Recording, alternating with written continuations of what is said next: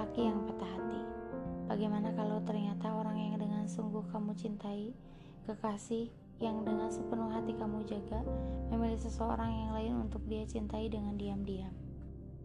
Elia Rahma, begitu ia memanggilnya. Gadis 21 tahun berambut lurus, berkulit bersih, memiliki tinggi 166 cm dengan senyuman yang tak pernah mengisyaratkan mampu mematahkan hati seorang lelaki.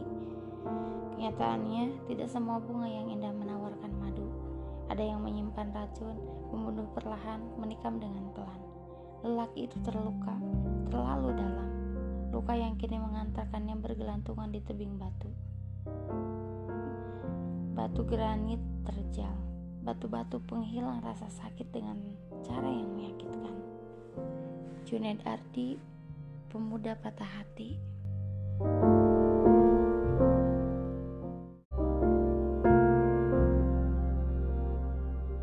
Aku hamil. Ucapan itu membuat Junaid tidak percaya. Bagaimana mungkin kekasih yang dia jaga sepenuh hati itu hamil? Ia mencintai Elia dengan baik. Tidak mungkin ia merusak kesucian perempuan itu. Oleh Iqmal, melebur sudah hatinya mendengar nama seorang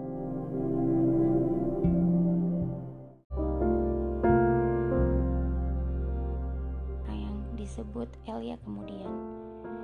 Berkeping, remuk tak berbentuk. Iqmal adalah sahabatnya dan Elia adalah kekasihnya. Dua orang yang ia anggap manusia terbaik kini menghancurkan hidupnya. Junaid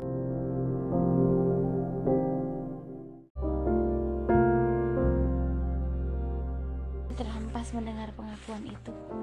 Ia tidak pernah menduga betapa kejam cinta. Ia sama sekali tidak pernah membayangkan betapa pedih kehidupan. Dihianati dan ditusuk kekasih. Mungkin bisa ia pahami, tetapi dihianati kekasih dan ditusuk oleh sahabat sendiri adalah hal yang tidak pernah ia bayangkan.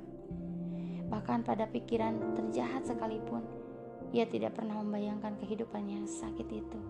Namun kenyataannya, begitulah yang ia dapatkan.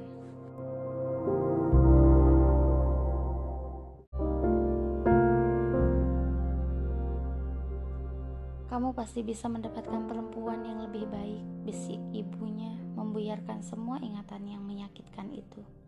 Junaid memeluk lebih erat ibunya.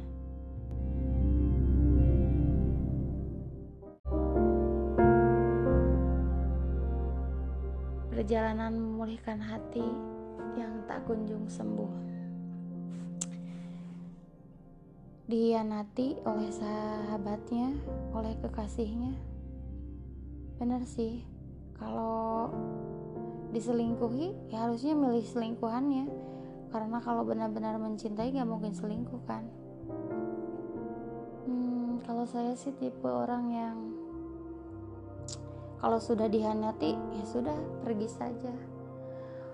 Untuk mencintai itu sangatlah susah. Saya bukan orang yang tiba-tiba percaya tentang cinta yang tiba-tiba. Cinta pada pandangan pertama. Betul-betul tidak percaya tentang itu. Perjalanan untuk menemukan cinta untuk menumbuhkan cinta itu sangat panjang tapi akan sangat mudah melepaskan ketika mudah dihianati.